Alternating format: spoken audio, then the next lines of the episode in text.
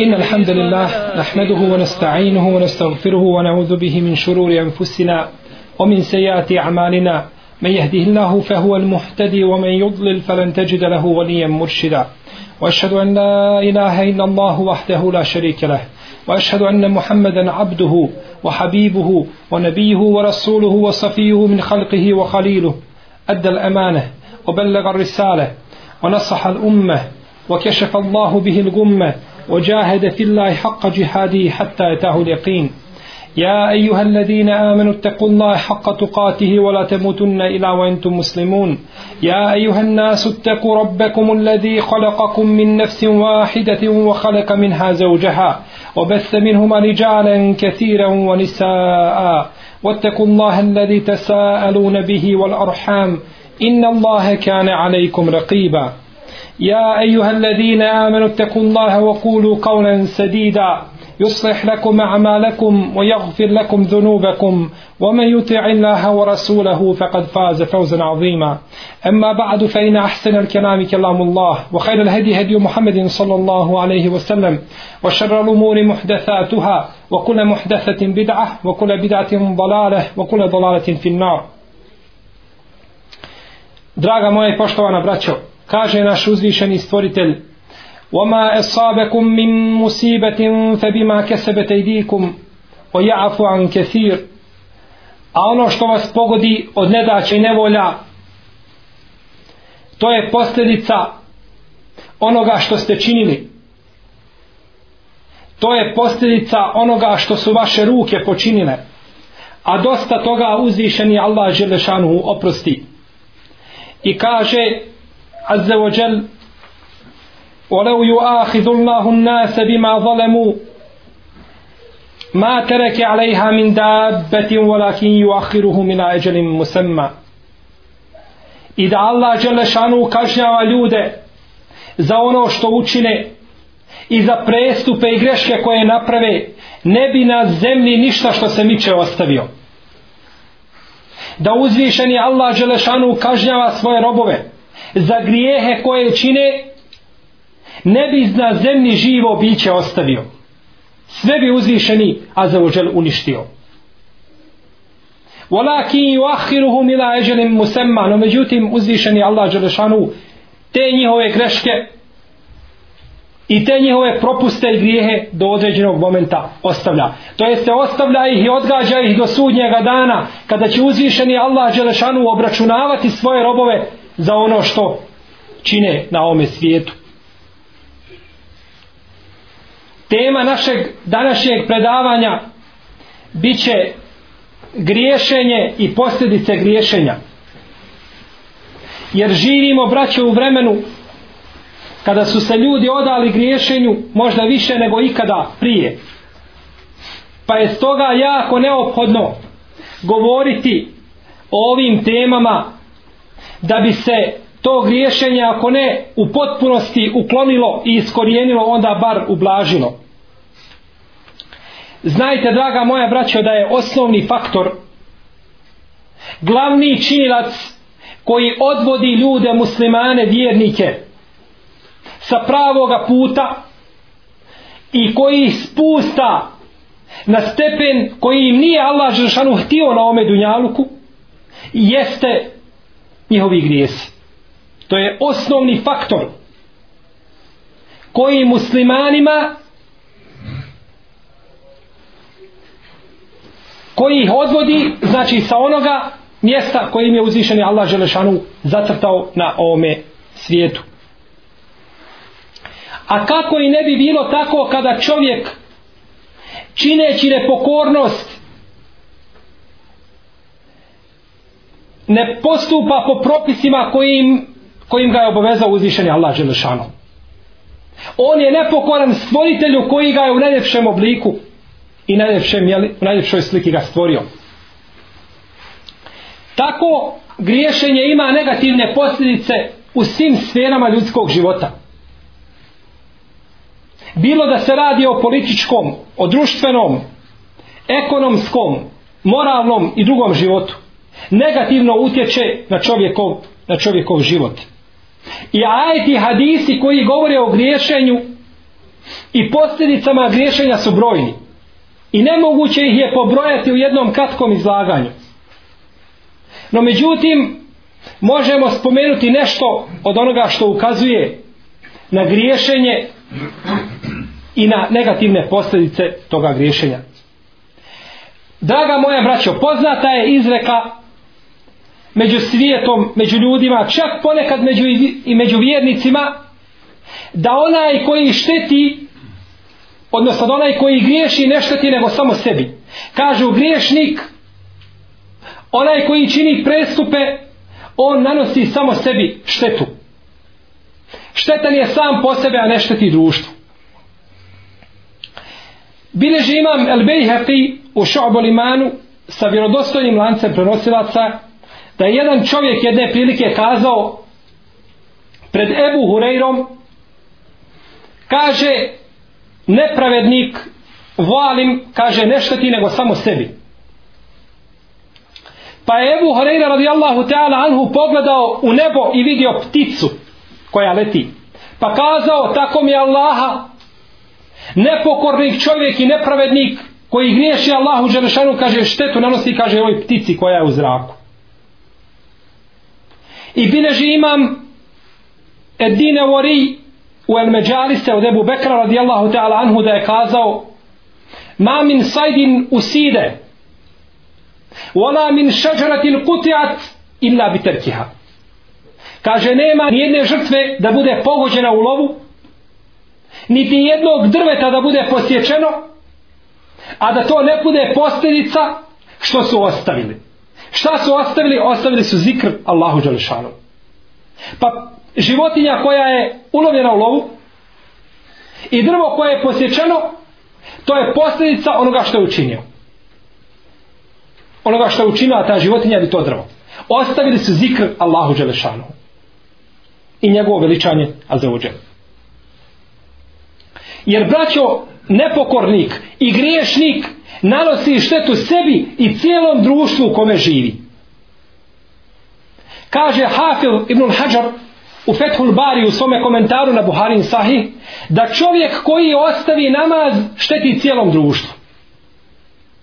Kako je to ovaj veliki islamski učenjak Hafil El Askalani zaključio da čovjek nepokornik i grešnik čini nepravdu cijelom čovječanstvu i svim muslimanima. Kaže zato što muslimani u namazu kažu Assalamu alejna wa ala ibadillahi salihin. Neka je na nas spas i mir Allahov i na sve dobre Allahove robove. Pa onaj ko ostavi namaz, on ne uči tu dovu. On ne uči tu dovu za svoju braću muslimane. I time je odmah učinio nepravdu svoj, svoje braći svim muslimanima. Draga moja braćo, nepokornost čovjeka muslimana i njegovo griješenje, pored toga što njegovo srce postane crno od tog griješenja, neophodno je i nužno da se posljedice tog griješenja vide na njegovim udovima. I neće se čovjek zaustaviti da tajno griješi, nego će doći na stepen kada će morati javno griješiti. To je Allahov sunnet. Jer se neće zaustaviti jel, sa onim što je činio od griješenja. Jer je griješenje braćo kao vino i kocka. Kada se to čini u početku, kada je čovjek kockar, amater nekakav, kako on to čini? Ponekad, rijetko, i onda učešćuje. I tako, dok ne postane na kraju ovisan o tome, bilo da se radi o vinu ili kocki, i na kraju da jeli, ne može da se toga riješi da se prođe. Je li čovjek koji je počeo kockati, je li prvo večer ušao u kasino, i kockao cijelu noć i prokockao i metak nije. Nego je to činio postepeno dok nije došao do stepena kada se toga više ne može proći. Isto tako alkohol. E tako je griješenje. Čovjek učini jednu, jedan grije jednu sitnu stvar i smatra da je to sitno. Pa nakon izvjesnog vremena učini opet sličnu stvar i tako postepeno dok mu griješenje ne postane potpuno normalna stvar. Čak šta više vidi u griješenju dobro. I kada griješi vidi da čini dobro ne smatra to greškom. E to je najveća nedeća i najveći musibet. Kada čovjek čini grešku, a nije uvjeren i ubjeđen da čini grešku. Zato kažu islamski učenjaci pojedini da Allah Želšanu ne prima te obu od koga? Od novotara. Jer on kaže, takav čovjek nikada se u stvari kaže neće ni pokajati. Jer on čini novotariju, a misli tom novotarijom da se približava Allahu Đelešanu. Nije ubijeđen je da čini ibadet. Tako i čovjek čini grije, a smatra da to što čini da nije grijeh, a možda čak smatra da se približava Allahu time. I onda se neće nikada jeli, pokajati. Bilježi Ibn Abi Dunja u svome dijelu Al-Ukubat, Ibn Abi Dunja je jedan veliki islamski učenjak koji je umro 271. ičeske godine, od Hamada ibn Seleme Hamad ibn Seleme je jedan veliki također hadijski stručnjak i učenjak on je bio jedan od učitelja Abdullaha ibn Mubareka Abdullah ibn Mubarek je imao šest svojih najpoznatijih profesora to su bili Sufjan ibn Ujejne Sufjan Seuri Hamad ibn Seleme ovaj o kome govorimo Hamad ibn Zaid El Fudail ibn Iyad i Ismail ibn Ulejje. ti šest profesora imao Abdullah ibn Mubarak. I jedan od njih je bio znači Hamad ibn Salame. Kaže Hamad ibn Salame Lejse ti la'netu es savadu fil wajh. Kaže nije, kaže crnilo. I nije pravo prokletstvo da se na čovjekovom licu vidi crnilo i da pocrni čineći grijehe. O inne melanetu ella jahruđe l'insanu min zembin hatta jepa fil ahar već je kaže pravo prokletstvo da čovjek kaže ne iziđe iz jednog grijeha već je upao u drugi grijeh. Non stop griješi. 24 sata zaposlen u griješenju nije ogovorio jednog čovjeka već je potvorio drugog nije završio sa potvaranjem već je tamo jeo meso trećeg i tako dalje non stop u griješenju e to je pravo crno kada čovjek nauči se griješiti i ne može jeli, ne može bez griješenja Draga moja braćo, griješenje ima jako negativne posljedice. Po pojedince i društva. I tragovi i posljedice griješenja moraju se vidjeti u jednom društvu. Nemoguće je da jedno društvo bude griješničko i da to ostane tako. Nepravedničko, to je nemoguće. Poslanik sallallahu alejhi ve sellem nas obavještava braće u jednom jako, o jednom jako čudnom hadisu.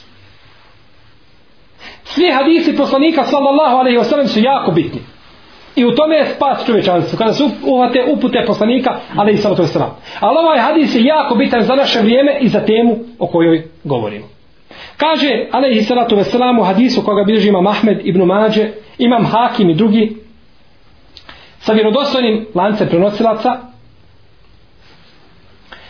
Ja mašer al muhađirin, hisalun hamsun, idha btulitum bihin, wa ja'udhu billahi en tudrikuhum. Kaže o skupino muhađira pet stvari ako budete sa njima iskušani znači neće biti dobro. A molim kaže Allaha da ih ne dočekate tih pet stvari. Prva od tih stvari kaže jeste kada jedan narod javno bude činio nemoral bude nemoralan Allah Đelešanu će kaže na njih poslati bolesti koje nisu bile poznate njihovim predsima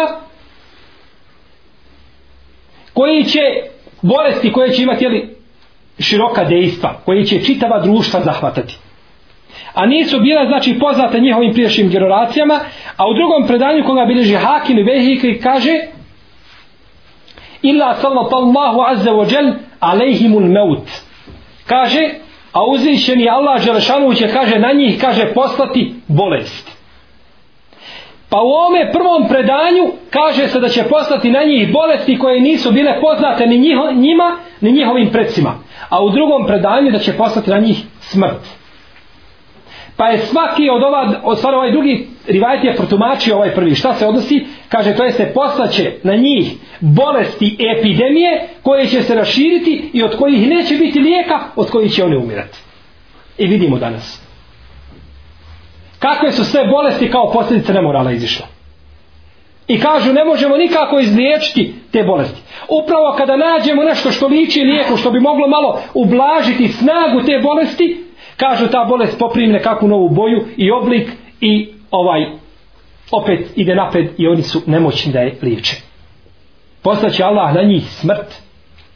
Braćo, ovo vam je poslaničko, vjerovjesnička dijagnoza stanja u kome se mi nalazimo. Ovo vam je EKG našeg stanja. Poslanik sallallahu alejhi ve sellem samo još nije kazao u Bosni će se dešavati tako i tako i imena i gradove još nije spominjao. Sve je dugo spomenuo. Poslanik vallahi poslanik živi među nama. Živi je. Svojim sunnetom sve je kazao. U titu džavami il kelim. Dat mi je jezgrovit govor. S malo riječi jednim hadisom poslanik opiše stanje umeta od prvih do posljednjih. Kada budete širili tako i tako, desit će vam se to i to. Tačno na način kako je poslanik opisao. Kao da je živio poslanik alaih salatu wasalam u 20. stoljeću. Pogledajte samo Pogledajte samo ulice u kojima mi živimo. Ne govorimo za ova podneblja. U našoj Bosni. I u drugim mjestima gdje žive muslimani. Kako je stanje? Ulica se, uli, na ulicama se osjeti fesad i nered. Čovjek koji bi prošao ulicom i zažmirio, on bi osjetio nered i fesad koji je raširen. Baš onako kao što je poslanik sallallahu alaihi wasallam kazao u hadisu, La tekumu sa hatta je te safedu fit tariq te safud el hamir. Neće nastupiti, kaže sudnji dan, dok se ne budu po putevima jahali kao što se jašu magarci. Ovi danas koji čine nemoral po Balkanu, oni su gori od magaradi. Jer ti magarci, te životinje imaju nekakav stil, imaju nekakav osjećaj. Ovi nemaju nikakvog osjećaja. Javno se nemoral čini po tim ulicama. I zato, braćo, kada bi svako kada bi svako ministarstvo zdravlja napisalo ovaj hadis sebi na zidu i uokvirilo ga i pazilo na ovaj hadis, onda bi stanje bilo puno drugačije nego što jeste jel, u ovim danima. I onda kada Allah Đelšanu odluči da kazni taj narod, kaže pošle na njih smrt. Wa iza aradna an nuhlika qaryatan amarna mutrafiha fa fasaqu fiha. Fa haqqa alayhi al-qawlu fa damarnaha tadmira. A kada Allah dželešanu hoće da uništi neki narod i neke ljude onda naredi tim pokvarenjacima u tom mjestu da fesad i nered čine pa ih onda Allah Želešanu sve do temelja uništi. Druga stvar koju je poslanik Ali Isra sada spomenuo ome hadisu jeste kaže kada ljudi budu zakidali na vagi i ne budu pravedno mjerili uzvišen je Allah Želešanu će dati da da će sušne godine i da će da sa njima zavra, zavladaju nepravedni vladari. Nepravedni vladari zakidaju. Danas gdje god rade muslimani ili većina trgovaca muslimana koji radi nisu onakvi kakvi ih je opisao poslanik sa ostalim. da im se obećava časno mjesto za pravednog trgovca. Jer to je džihad. To je pravi džihad da trgovac bude pravedan pa kaže poslanik sallallahu alejhi ve sellem da će sušne godine sušne godine kada muslimani po desetak mjeseci možda ne vide oblaka jednog jedinog niti kiše i da će nepravedne vladare da vladaju njima. Nema danas vladara među muslimanima da je pravedan. Ne samo da je pravedan. Da čini nešto od pravde, ni toga nema. Najveći su ti isti vladari, najveći su borci protiv islama. Oni su prvi spremni da udare islam i da udare muslimane i da zaustave bilo koji hajr koji se čini u ome umetu. Treću stvar koju je poslanik Ali Saltra spomenuo kaže jeste kada kaže jedan narod prekine ugovor sa Allahom Đelešanhu koji je uspostavio kada je kazao uzvišeni elestu bi rabbikum kalu bela kada je Allah Žešanu pitao zar ja nisam vaš gospodar a oni su kazali jesti gospodar naš ti si naš gospodar ti si nas stvorio i tebi ćemo pokorni biti kada to učine onda će uzvišeni Allah Žešanu dati sušne godine i neće im znači spustati kišu. Kada prekinu jeli davanje zakijata, neće uzvišeni Allah žao davati kišu. A kaže da nije životinja, hajvana, uzvišeni Allah žao ne bi im dao nikako kišu. Pa danas dio muslimana treba znati da plod i letinu koju ubir, ubiraju biva iz Allahove milosti prema, prema hajvanima. Četvrta stvar koju je poslanik Ali Isra sada spomenuo ovdje jeste da kada ljudi prekinu, znači ugovor, treća je bila vezana za zekat, a četvrta je kada muslimani prekinu vjernici ugovor sa Allahom Đelšanu koga su uspostavili, Allah Žešanu će dati da njihovi neprijatelji uzmu dio zemlje kojom oni vladaju. U drugom sedom rivajetu navodi kaže uzet će komad zemlje koja se nalazi u vašim rukama. Uzet će vam Palestinu, uzet će vam Bosnu, uzet će vam ono, uzet će vam nešto od onoga što je bilo jeli, u vašim rukama. I petu stvar koju poslanik sa osanem navodi u ovome hadisu jeste kaže, a kada njihovi imami, vođe i predvodnici ne budu sudili po Allahu i Đelešanu u knjizi, onda će kaže da će Allah Žešanu da među njima budu velike razmjerice. Pa pogledajte danas stanje među muslimanima. Muslimani smiju samo između sebe da ratuju i jedni druge da ubijaju i jedni drugima da budu neprijatelji. I samo jedni prema drugima da pokažu svoje zube. Prema neprijatelju nikako. Može li musliman iz bilo koje zemlje muslimanske koja je siromašna da uđe u bogatu? treba mu tri mjeseca da dobije nekakvu vizu koja vredi mi sedmicu dana ili slično tome. Učinit će da odnosi budu zategnuti. Svaka zemlja zasebno. Svaki grad zasebno. Svaki džemat zasebno. To je, braćo, sve posljedica onoga što su ljudi činili. Posledi, posljedica dijela njihovih ruku. Bileži Ibnu Kudame u svome dijelu Kitabu Teuabin da je Musa a.s. jedne prilike izišao sa Benu Israilom sa 70.000 Izraeličana da traže od Allaha Đelšanu kišu. Bila je jedna sušna godina, pa su tražili od uzvišenog Allaha Đelšanu jeli da im spusti kišu. Ova braćo priča nema nekakav lanac prenosilaca, ali se na njoj ne grade nikakvi šerijatski propisi.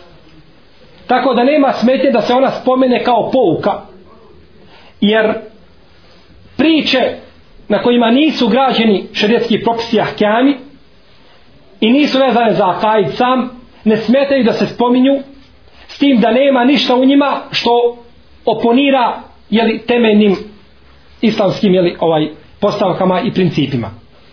Kaže se da je Musa ali islam izišao sa 70.000 kršćana e, izraeličana da mole Allah Žešanu za kišu.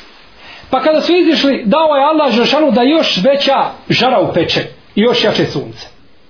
Pa je Musa ali sam se obratio Allah Žešanu pitao gospodaru moj, zbog čega ova suša, a mi smo izišli da tražimo od tebe kišu da nam se sminuješ. Pa je Allah Žešanu ukazao o Musa. Među vama kaže ima čovjek koji mi je 40 godina nepokoran. 40 godina mi nepokornost čini jedan grešnik kome moraš narediti da iziđe između vas. Pa ću ja da vas obaspem kišom.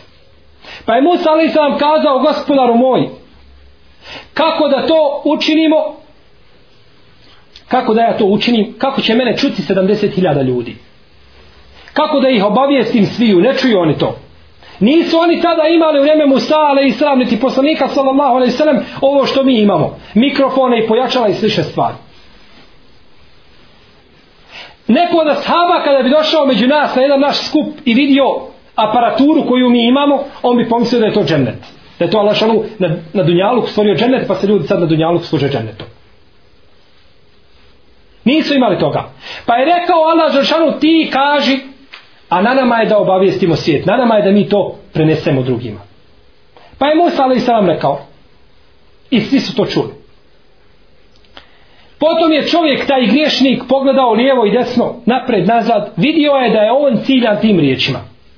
Vidio je da je on taj, na njega se odnose te riječi. Pa je uzeo i uvukao u svoju glavu odjeću, pokrio se svojom odjećom i kazao.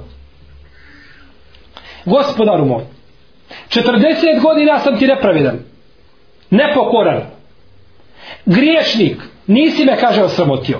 Nemoj me, kaže, gospodaru moj, osramoti na ome danas dan, pred 70.000 ljudi. Vidimo, braćo, kako se čovjek stidi svoga grijeha. Pred 70.000 ljudi, šta je 70.000 ljudi u odnosu kada Allah Žešano sudnjem danu spoji i prve i posljednje, i vjernike i poslanike, poslanike i, vje, i vjerovjesnike i vjernike i nevjernike i sve spoji i onda svoga roba pred svim tim čovječanstvom osramoti. stidi se da ga 70.000 ljudi vidi da je grijeh učinio. Čovjek se stidi musliman da jedan čovjek, drugi musliman sazna njegov grijeh koji čini. Pa je kazao gospodar moj, nemoj me danas osramotiti. Pokajao se iskrenom te obom gospodaru Azzeođem. Pa je Allah Želšanu spustio kišu. Nakon toga upitao je Musa alaih sallam, gospodaru moj, kaže nije niko izišao između nas, a ti si nas i pored toga obasuo kišom, kako to sada? Pa je kazao Allah Želšanu, da ja Musa, ja sam vam spustio kišu zbog onoga, zbog koga sam vam prvi put zabranio kišu. To jeste zbog iskrene te obe toga roba, ja sam spustio kišu. Pa je Musa alaih islam rekao, gospodaru moj, pokaži mi ga, da ga znam, da vidim toga čovjeka, da vidim toga čiju si dovu uslišao. Pa je Allah šanu kazao, Musa, o Musa, kaže, 40 godina mi je nepokoran bio i ja ga nisam osramotio pred ljudima. Saže, da ga sad osramotim kad mi je pokoran i kad mi je te obe došao. Vidimo, braće, ovo je samo milost Allaha Želešanu. Mi znamo da čovjek, kada mu neko jedan put nešto u životu naudi i nešto mu učini, što ne voli? Da mu cijeli život to spominje. Ako mu ne spomene ponekad kao izgledom svojim i pogledom da mu to kaže. Sjećaš što se ti kad si učinio to i to. To čovjekova duša ne može zaboraviti. A vidimo kako Allah Žešanu 40 godina nepokoran i na kraju toga Allah Žešanu oprostijeli svome robu ono što je činio. I zbog toga ne samo to, nego se smiluje cijelim drugim ljudima koji žive, žive s njim kažemo, draga moja braćo, griješenje ima posljedice na pojedince i društva. I grijeh jednog pojedinca može se odnositi na cijelo jedno društvo. Mogu svi osjetiti posljedice toga griješenja. Mora, nemoguće je. Nemoguće je da u jednom društvu bude grešnika i da vjernici prešute to, ne pozivaju na dobro i na doće zla, a da ne, da, ne zadesi kazna da Allaha Đelša. Kaže poslanik sallallahu alaihi sallam u hadisu koga je zabilježio imam Buharija u Eredebulu Mufredu sa vjerodostojnim lancem prenosilaca La tawadde isnani Illahi azza wa jel Evo fil islami ثم فرق بينهما إلا بذنب يحدثه أحدهما neće se kaže dvojica voljeti u, u islamu ime Allaha Čelešanu a potom da se budu, da budu rastavljeni osim kaže zbog grijeha koji učinio jedan od njih dvojice dva muslimana, dva brata se vole u ime Allaha i druže se i potom se posvađaju i razmjerica između njih bude pa se rastave i nisu više braća kao što su bila kaže to je zbog grijeha koji učinio jedan od njih dvojice ovo su riječi poslanika ali i sad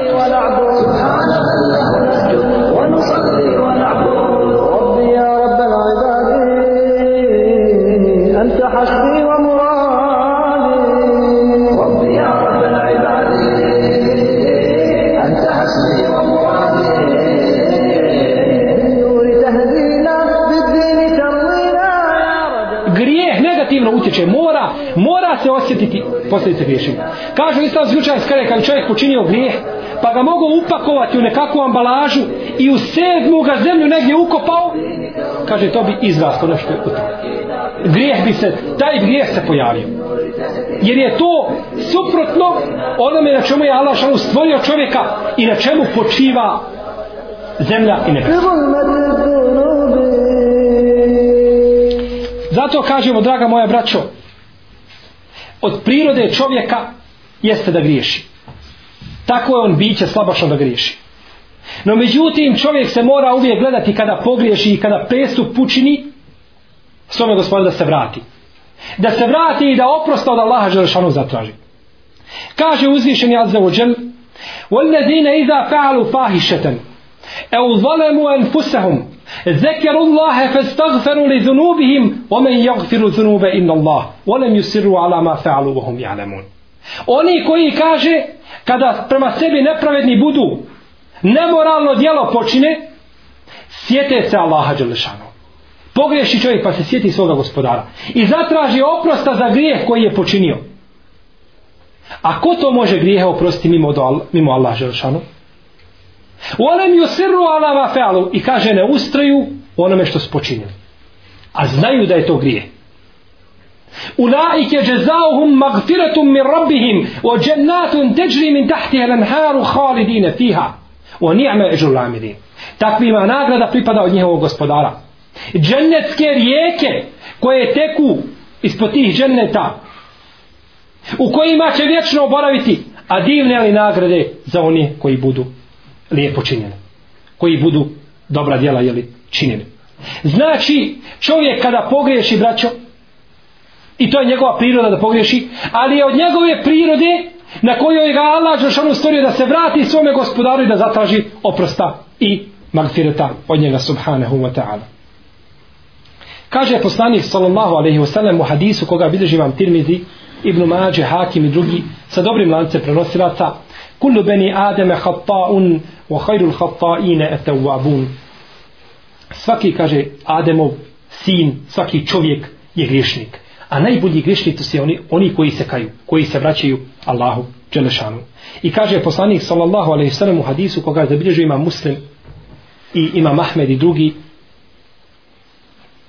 والذي نفسي بيده لو لم تذنبوا لذهب الله بكم ولجاء بقوم يذنبون fe jestagfiruna Allahe fe jagfiru lahum.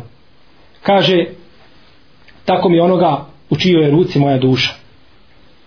Da vi, kaže, ne griješite. Da vi niste griješnici. Allah bi vas, kaže, uništio, pa bi došao sa drugim narodom koji griješi i traži oprost od Allaha, pa, pa bi im Allah opraštao. Poslanik sallallahu alejhi ve sellem u ome hadisu govori nam da je čovjek griješnik i da mora griješiti. Da ne može biti da čovjek bude bezgrešan. To su meleki.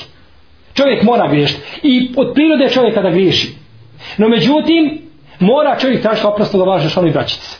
Ovaj hadis i hadisi koji imaju kontekst sličan njemu, nikako ne odobravaju griješenje, niti postiču na griješenje. Bože sačuvaj. Griješenje je haram po Kur'anu i po sunnetu i po konsensusu islamskih učenjaka. I haram biva shodno grijehu koji se čini. No međutim, ukazuje on samo na jednu prirodu čovjeka. Da je čovjek griješnik i da uvijek treba gledati da se vraća Allahu Đelešanu. Jedne prilike, sjećam se, jedan brat je kazao drugom, kaže, Allah ti oprostio. A kaže, jesam ja to pogriješio da mi Allah oprosti? Da li ja to kaže griješim pa da mi Allah oprosti? Subhanallah. Poslanik sallallahu sallam najbolji rob dnevno se 70 puta u drugim rivajtima kod muslima 100 puta kajao i tražio oprost od Allaha Đelšanu. Najbolji, najbolja ulema umeta smatrali su sebe najvećim griješnicima. Ebu Bekr i drugi i Omer pitaju, kaže, ovaj, pitaju tajnika, poslanika, ali sam kaže, jesmo li mi među munaficima? I slično tome.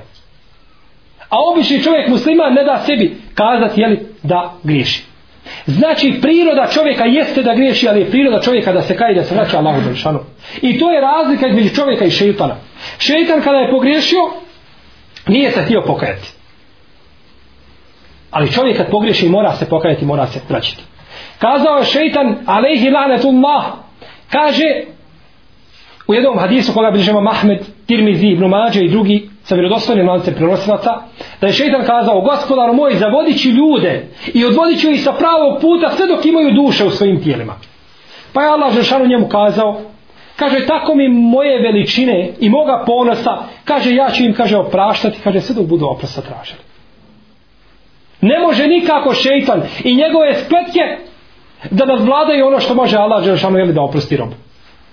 I kazao je Allah Žešanu u hadisi kuci kako se navodi, kada bi kaže mi Allahov rob došao kada je sa grijesima koji su ispunili što između nebesa i zemlje i oprosta zatražio, kaže ja bih mu ih oprostio.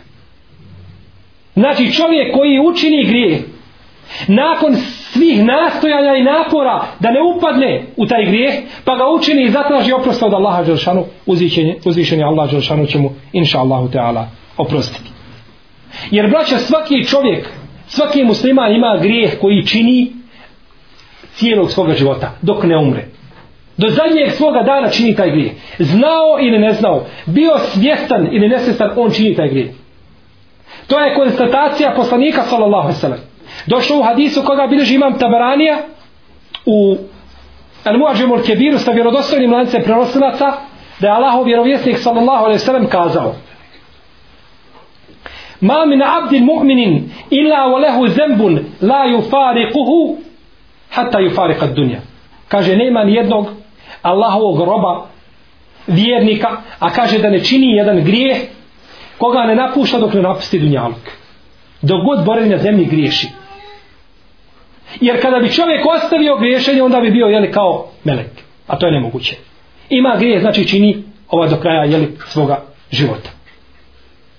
E samo je stvar u tome da li će čovjek pokajati se Allahu Đelšanu za taj grijeh ili će ustajati čineći ga i ne osjećajući jeli, da čini grije. Navodi se u hadisu u predaji koju bliži imam Buharija od Ibnu Mes'uda kao njegove riječi da je kazao, kaže vjernik kada počini grijeh, kaže on to vidi kao, kaže da su brda navaljena na njegova leđa. Kao brda da su na njegovim leđima. A kaže nevjernik, kaže kada učini grijeh i veliki griješnik, kaže on samo kaže vidi to kao kaže muha koja prolazi ispred njegovog nosa pa on kaže rukom je kaže odbije. Ne osjeća ništa.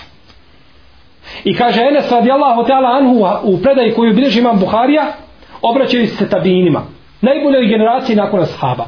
Kaže innekum le ta'amelune amala. Hije edeku fe ajunikum mine šar. Wa in kunna na'uduha ala ahdi nebiji sallallahu alaihi sallam minel mubiqat. Kaže vi činite, kaže dijela i grijehe.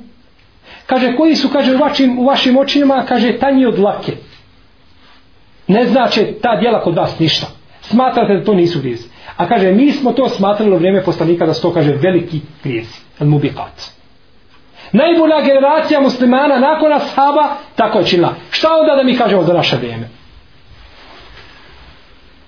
Jedan od islamskih učenjaka, braćo, kada je ušao u Bejtul Maktis, u Kudus, našao je 500 halki u kojima se stiče znanje. 500 halki kojima se stiče šerijatsko znanje. Pa je kazao, džehli je zavladao dunjalukom. Nema šerijatskog znanja. Nema znanja. Danas u cijelom svijetu nema 500 halki. U tom kucu možda nema ni jedne halke. Izgubi se potpuno. Šta onda da mi kažemo za naše vrijeme? Ako su oni tako govorili za njihovo vrijeme, i to posebno govori Ibn Džeuzi kada piše u svojim dijelima, kaže, to je, kaže, bilo, kaže, ovaj, a šta kaže kazati za naše vrijeme, koji je živio u šestom hiđuskom stoljeću? A šta onda da mi kažemo za vrijeme, vrijeme, jeli, u kome, u kome se nalazimo? Kažemo, draga moje braćo, od čovjekove prirode, njegove fitre na koje ga Allah žanu stvorio, jeste da čovjek griješi. No međutim, isto tako od te fitre jeste da se čovjek vrati da se pokaja lažno. Koji ćemo prostiti? Kaže Allahu vjerovjesnik alejhi salatu vesselam u hadisu koga je zabilježio Imam Tabarani i Bejheki sa vjerodostojnim lancem prenosilaca kaže inne sahiba šimal le jerfa'u l'kaleme site sa'atin an il abdil muslim il muhtil musi fe in nedime wastaghfara stakfar Allahe minha elqaha wa illa ketebe wahideten Kaže, u istinu, kaže Melek koji se nalazi na lijevom čovjekovom ramenu, koji piše loša djela, kaže, sačeka šest sati nakon što čovjek nepokornik počini jedno djelo. Pa ako se pokaje u roku od tih šest sati, ne upiše mu to loše djelo. A ako se pokaje nakon tih šest sati, upišemo Allah šanu, ali nakon toga jel mu, upiše mu jedno loše djelo. Samo. I možemo ga Allah šanu oprostiti šest sati Allah Želšanu da svome robu slobodno. I ovo je hadis vjerodostojan od poslanika ali srdu sram. Šest sati ima čovjek vremena da se pokaja Allah Želšanu. U tih šest sati se ništa ne piše. Jer čovjek kada pogriješi, on je tada ljud. Kada se malo smiri, onda vidi da je učinio grešku pa se pokaje. Jer se ljud čovjek nikada neće pokajati. Ja vatani hubbuka iman Ja vatani anta l'unwan Ja vatani hubbuka iman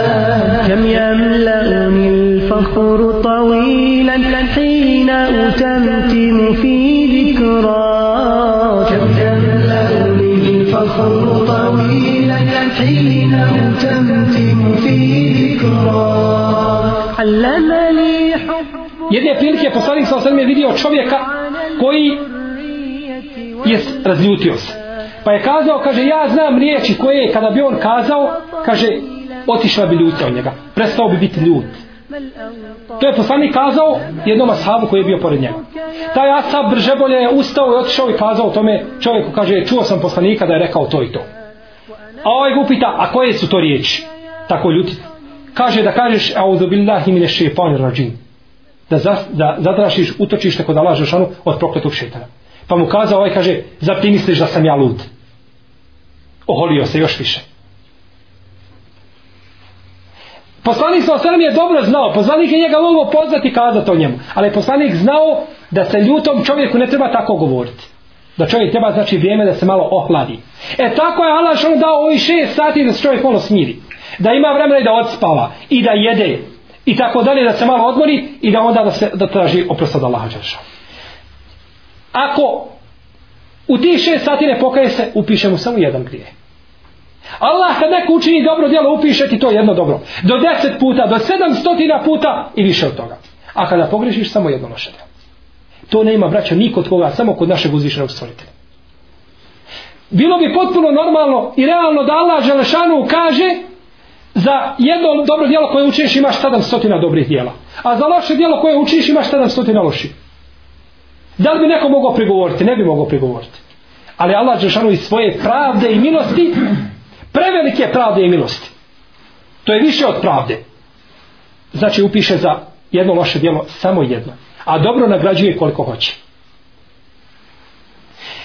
Ovo bismo braća mogli uzvišenom Allahu Đelešanu, naravno ne uzvišeni primjer pripada, ali kada bismo mi ovo uporedili sa, kada bismo uredili, uporedili ova dva čovjeka, onoga koji se pokaje u roku do više sati i onoga koji se nije pokajao. Mogli bismo to uporediti sa jednim profesorom koji je ušao u odjeljenje gdje ima predavanje. Kada je htio da upiše odsutne učenike, spomenuli su mu se dva učenika koja su odsutna. Kada je htio da upiše toga prvog, on je u tom momentu ušao na vrata. Nije ga još upisao. Pa mu je rekao, idi sjedi na mjesto svoje. I nije ga upisao. Drugog je zapisao. Nakon izvjesnog vremena došao je taj drugi. Ovaj ga je pustio profesor da uđe u učionicu, da prisutuje predavanju i prekrižio ga je. Onaj prvi nije nikako upisan. Drugi je upisan, ali to mu se ne uzma za zlo. Ne računa mu se jeli, da je bio odsutan. No međutim stoji da je on nešto počinio pa je prekrižen. E tako isto je ovo. Čovjek koji se pokaje ništa mu se ne upiše u njegovu sahifu i u njegovu knjigu. No međutim onaj koji se ne pokaje to mu se upiše. Pa ako zatraži oprosta to mu se oprosti. No međutim ostaje tamo nešto kao da je on to učinio. E zato je najbolji onaj koji se odmah. To ne znači da to čovjek treba čeka šest sati. Ali ima vremena. Najbolji onaj koji dok pogreši da se odmah, jeli, da se odmah pokaje svome gospodaru. A za uđer. Jer je poslanik sallallahu alaihi sallam kazao u hadisu koga bilježi Ibn Mađe je Al-Hakim Etirmizi u Nevadilu Sul. Sa dobrim lancem prenosilaca kaže etajbu mine zembi kemen la zembele onaj koji se kaže pokaja od grijeha kao da nema grijeha. Kao da nema grijeha u smislu da neće biti jeli, pitan za grijeh koji je, koji je počinio. Znači braćo čovjek kada učini grešku i prestup mora se vratiti Allahu Đeršanu i pokajati se ne smije ustrajati, ne smije poprimiti to svojstvo prokletog šeitana pa da se ne pokaja Allahu Đelešanu. Kaže uzvišeni, o tubu ila Allahi džemijan ejuhal mu'minune la'allakum tuflihun. Pokajte se Allahu Đelešanu o vjernici da biste uspjeli.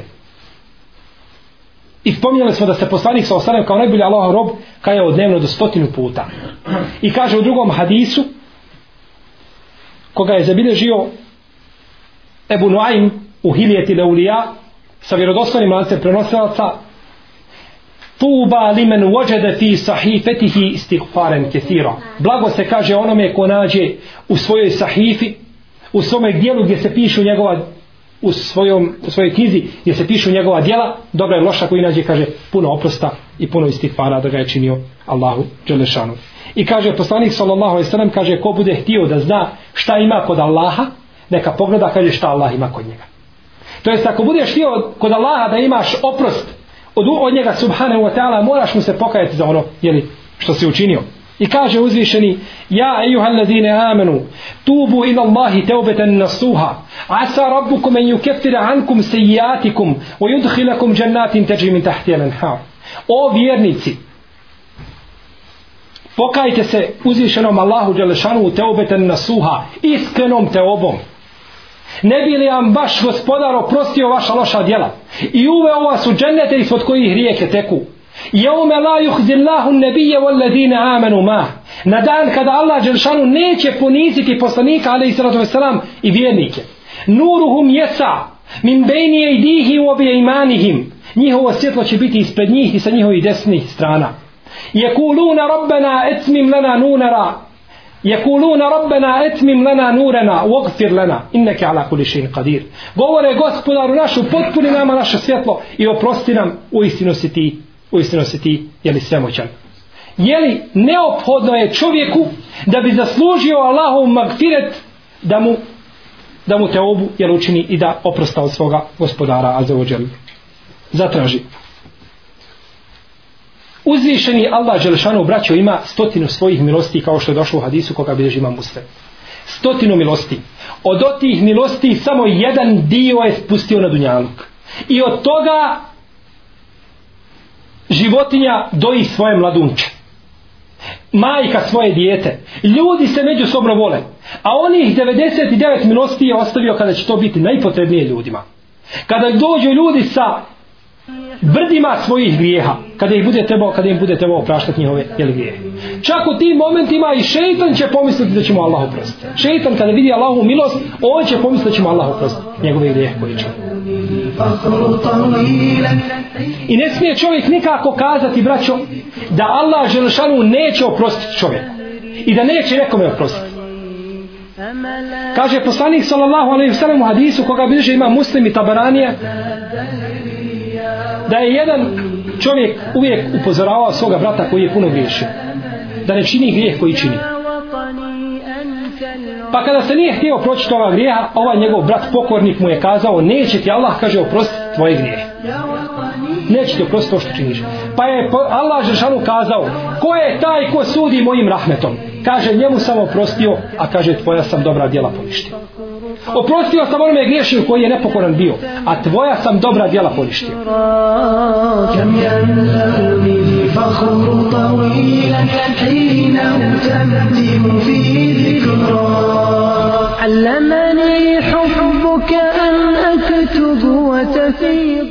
Jer je to propust u akidi, u akajdu, taj nije imao ispravan akajd koji je kazao da Allah neće i da ne može nekome oprostiti.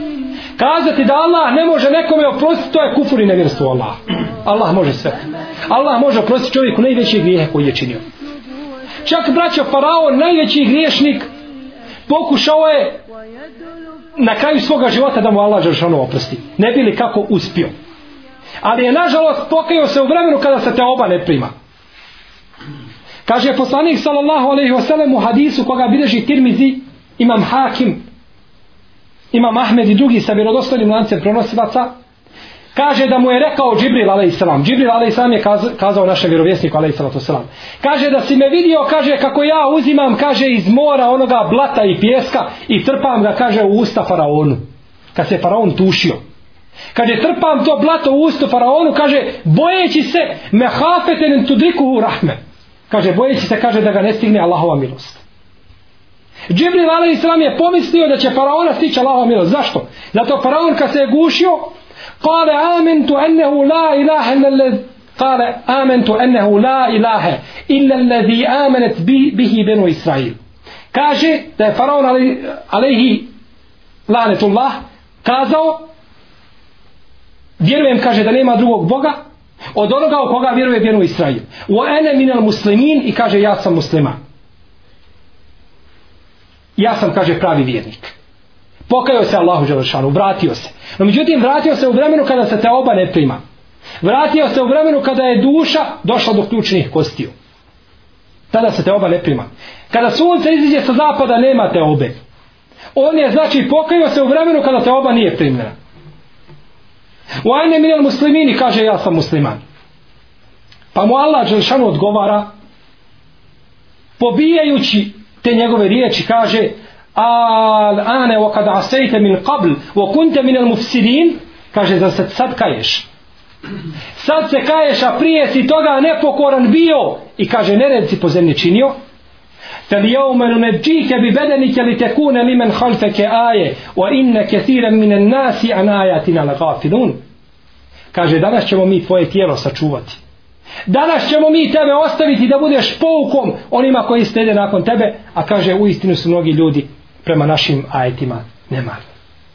Faraon najveći nepravednik i najveći zločinac koji se mogu pojaviti na Dunjaluku braćo. On je za sebe tvrdio da nema drugog Boga od njega. Pa kaže svome onome Haman, onome koji ga je služio, kaže, sagradio mi, kaže, jedan visoki toranj i kulu stepenice jedne, kaže, da se popnem do tog Musaova Boga, ja smatram, kaže, da je on lažao.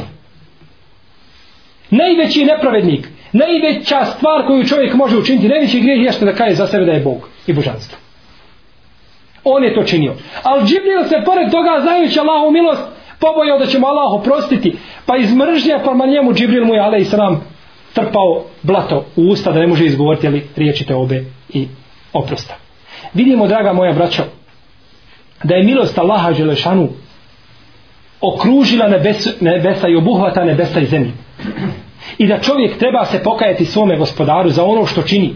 Dnevno se mora kajati svome gospodaru. Prije spavanja treba se pokajati svome gospodaru jer ne zna hoće li sabaha dočekati. I ne može čovjek smatrati, ne smije sebe smatrati nepogriješivim i da je od onih koji nisu nikada pogriješili. Čovjek dnevno čini stotine grijeha.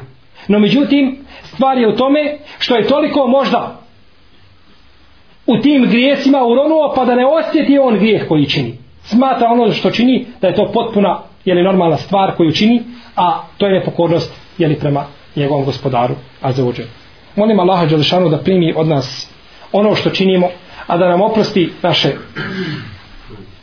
rđave postupke i da nas spoji sa našim poslanikom ali i salatu veselam u džernetskim prostranstvima sallallahu ala sidina Muhammed